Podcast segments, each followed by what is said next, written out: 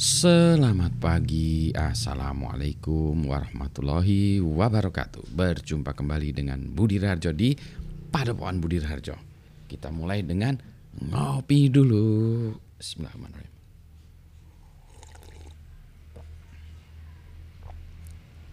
Ah, Sedap.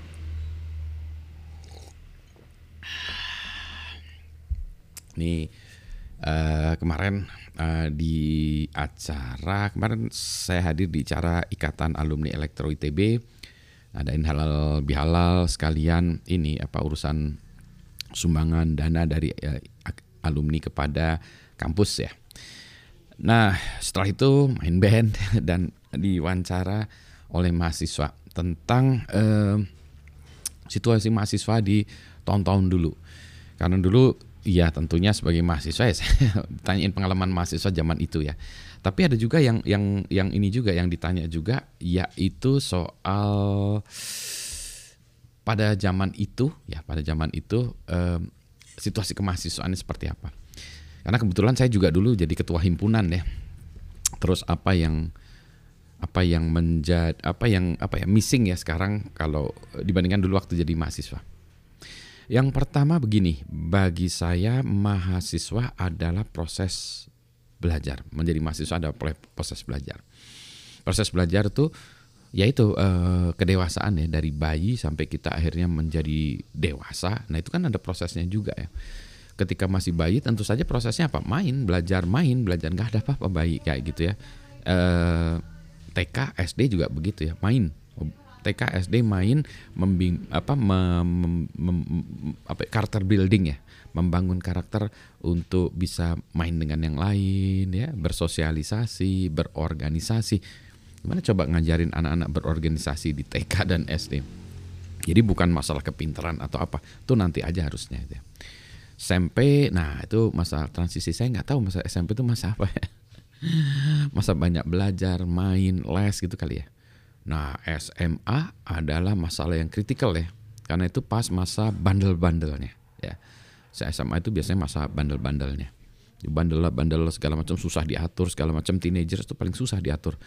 Uh, tidak dimengerti orang tua, merasa tidak dimengerti orang tua, tidak mengerti orang tua. I, karena itu nih ini seperti. Nah, mahasiswa beda. Masa mahasiswa adalah proses pendewasaan, menjadi dewasa saya juga merasa um, merasa proses menjadi dewasa itu menjadi mahasiswa ketika S1, S2, S3 dan seterusnya. Tapi itu masa menjadi uh, pendewasaan. Nah di situlah kita belajar. Belajar apa? Belajar selain materi kuliah segala macam, belajar berorganisasi. Ya. Kalau di SMA juga udah mulai ya, tapi biasanya di SMA tuh yang ikutan OSIS gitu kan sedikit ya.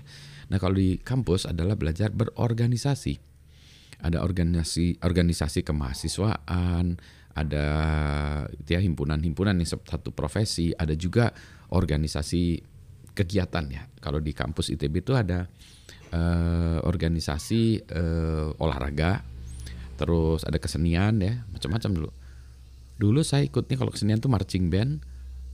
Dulu saya ikut apa marching band? Oh pernah jadi belira, terus trombon trombon tapi saya yang valve ya bukan yang slide trombon tapi ikut trombon yang valve. Uh, valve uh, trombon terus uh, olahraganya saya ikutan rugby. Aneh ya olahraga rugby ya di TB dulu ada uh, unit olahraga rugby. Terus ada kegiatan-kegiatan lain. Nah di situlah kita belajar berorganisasi. Kenapa harus belajar di situ?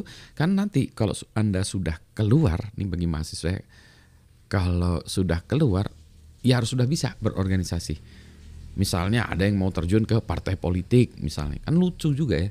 Atau organisasi di uh, perusahaan organisasi di sistem pemerintahan. Itu kan ada organisasi. Bagaimana mengorganize uh, satu grup bagaimana berdiskusi bagaimana bertanya bagaimana meeting dan seterusnya. Itu kan belajarnya kapan? Kalau nggak jadi mahasiswa. Di luar anda harus dianggap sudah jadi gitu ya, sudah jadi gitu. Kapan belajarnya? Pas mahasiswa.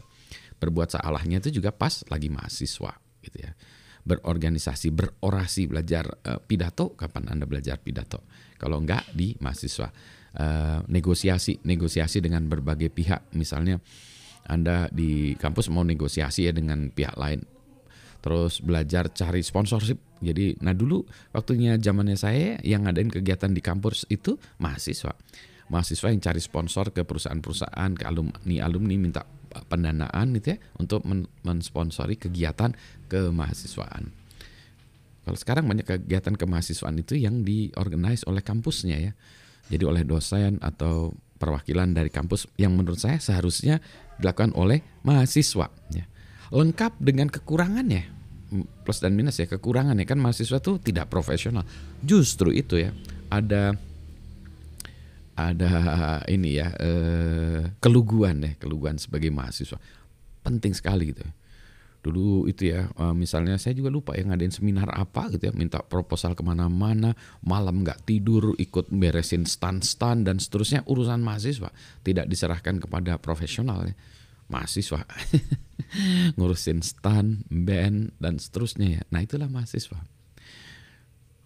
Dan contohnya lagi ya yang yang kemarin saya juga cerita ke mahasiswa gini ya kalau anak muda masih anak muda misalnya SMA bahkan sampai mahasiswa ya.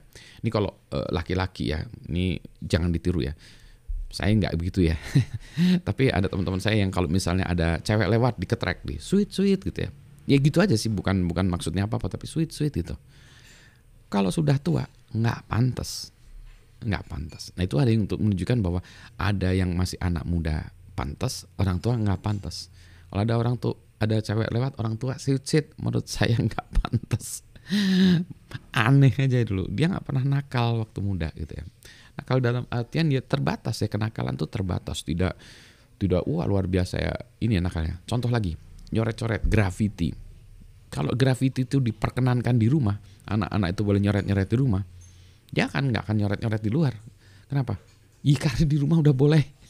Udah bosen nyoret-nyoret di rumah banyak orang tua yang melarang anaknya coret-coret di rumah karena rumahnya harus bagus. Wah harus bagus keren kalau ada tamu segini.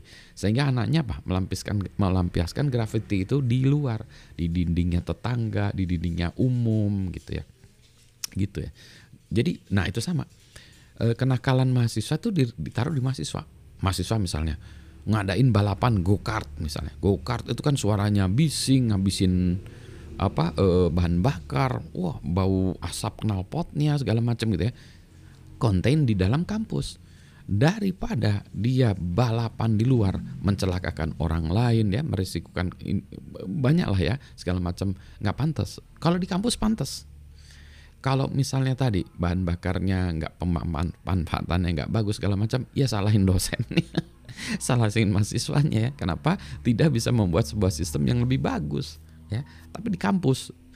Jadi kalau anak nakal bisa kelihatan di kampus. Nakalnya di kampus saja bisa kelihatan sama orang tuanya. Yaitu ya orang tuanya itu ya dosen kampus orang tua juga di situ bisa ngelihat oh ini anaknya nakal. Di situ aja gitu ya kelihatan itu oh iya kenakalannya cuma segitu. Ya oke. Daripada nakal yang nggak benar lebih baik nakal terkampung nah kemudian ketika masih menjadi mahasiswa anda itu masih muda belum punya tanggungan artinya apa? Belum berkeluarga umumnya ya. Umumnya ada juga mahasiswa yang sudah berkeluarga ya tapi jarang ya jarang. Tidak masalah juga itu. E, kebanyakan e, belum ya belum belum keluarga. Nah manfaatkan kondisi sebelum berkeluarga itu untuk eksplorasi eksperimen. Contoh kalau anda mau pergi naik gunung apa Mount Everest ya puncak gunung Everest. Lakukan ketika masih muda. Satu fisik masih boleh oke okay ya anak muda ya kondisi fisik oke. Okay. dua belum ada tanggungan keluarga ya. Kalau udah tua udah fisiknya uh, tua bangke kayak gini ya. susah. Mau pergi-pergi ada tanggungan keluarga juga tanggung jawab tugas dan lain-lain. Mahasiswa boleh ke mana-mana. Anda keliling dunia dengan backpacking pakai ransel baju kucel pinggir jalan. Kalau ditanya orang ini apa? Mahasiswa dimaafkan pantesan mahasiswa. Nah, gitu. Pakai kartu truf ya. Jadi ini ini kacau balau ini kenapa anda kucel segala macam? Maaf pak saya mahasiswa. Maafkan dimaafkan itu kartu trufnya. Di mana pun juga di seluruh dunia mahasiswa itu dimaafkan ya. Ah itulah sebabnya juga saya kadang-kadang ke mahasiswa ada nakal juga. Saya bilang eh jangan cepat-cepat lulus. Gunakan kartu truf itu ya buat usaha segala macam di kampus ya. Mengabuse sistem kampus. Kalau dia apa? Kalau anda gagal usaha apa nggak nggak apa-apa. Kenapa? Mahasiswa dimaafkan. Kalau anda gagal usaha sudah berkeluarga punya anak punya istri punya suami gitu, ya, susah. Ya ekspektasinya beda. Maka belajarlah dengan segala kegagalannya ketika masih di kampus ya. Gitu. Jadi kemarin jawaban saya begitu. Jadi itulah yang masih yang dimisingkan ya kalau kalau udah tua ya nggak bisa lagi kan you cannot rewind time ya kita tidak bisa kembali ke waktu dulu yang tidak bisa dibeli di mana-mana itu adalah waktu nggak bisa mundur lagi jadi manfaatkan untuk belajar sebaik-baiknya ya berbuat positif anda ingin membantu uh, apa uh, masalah kehutanan, masalah ekosistem, masalah sampah, masalah apa masih mahasiswa. Tapi jangan hanya ngomong aja ya, eksekusi aja. Terjunlah beresin segala macam. Karena apa? Karena Anda tidak punya tanggung jawab ya. Maksudnya tidak tidak harus bertanggung jawab secara keluarga terhadap society gitu ya. Gitu ya. Dan kita membutuhkan banyak banyak orang-orang ya dalam artian anak-anak muda yang bereksperimen itu ya menggeluti sampah berhari-hari untuk membereskan gorong-gorong eh, segala macam hanya bisa dilakukan oleh mahasiswa. Ya, gitu. Jadi entrepreneur juga mulailah jadi mahasiswa. Sehingga nanti kalau sudah lada tuaan sudah berusia tahulah oh oke okay, kesalahan-kesalahan yang Anda perbuat dan semoga Anda tidak mengulangi kesalahan tersebut.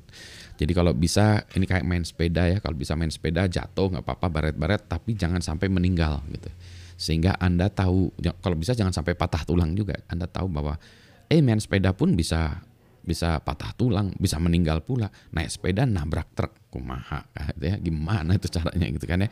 Berarti Anda harus tetap berhati-hati gitu ya. Tapi jatuh boleh, baret-baret boleh, baret-baret berdarah-berdarah boleh ya.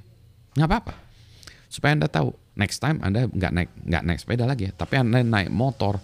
Motornya ngebut, Anda tahu bahwa oh kalau naik sepeda aja saya gini jatuh maka saya lebih berhati-hati bukan hanya sebagai apa ya uh, kebaikan diri sendiri tapi juga kebaikan kepada masyarakat sekitarnya society. Anda bertanggung jawab. Setelah keluar dari kampus anda dituntut bertanggung jawab. Gitu. Jadi itu ya ada innocence-nya gitu ya jadi mahasiswa itu ya. Jadi itulah yang di yang missing ya eh, ketika nanti uh, sudah melewati sudah keluar dari dunia ke mahasiswaan. Sementara saya mau ngopi dulu. Kalau ngopi ada batasnya nggak? Nggak ada ya. Mulai dari mahasiswa. Jadi saya belajar ngopi juga mungkin dari apa ya? Dari S2 ya. Belajar ngopi deh. Sampai sekarang. Yang penting sehat semuanya ya. Selamat pagi. Assalamualaikum warahmatullahi wabarakatuh. Tinggal sedikit lagi uh, kopinya. Udah mulai dingin deh. Kebanyakan ngobrol. Ya, ngecampur. Assalamualaikum.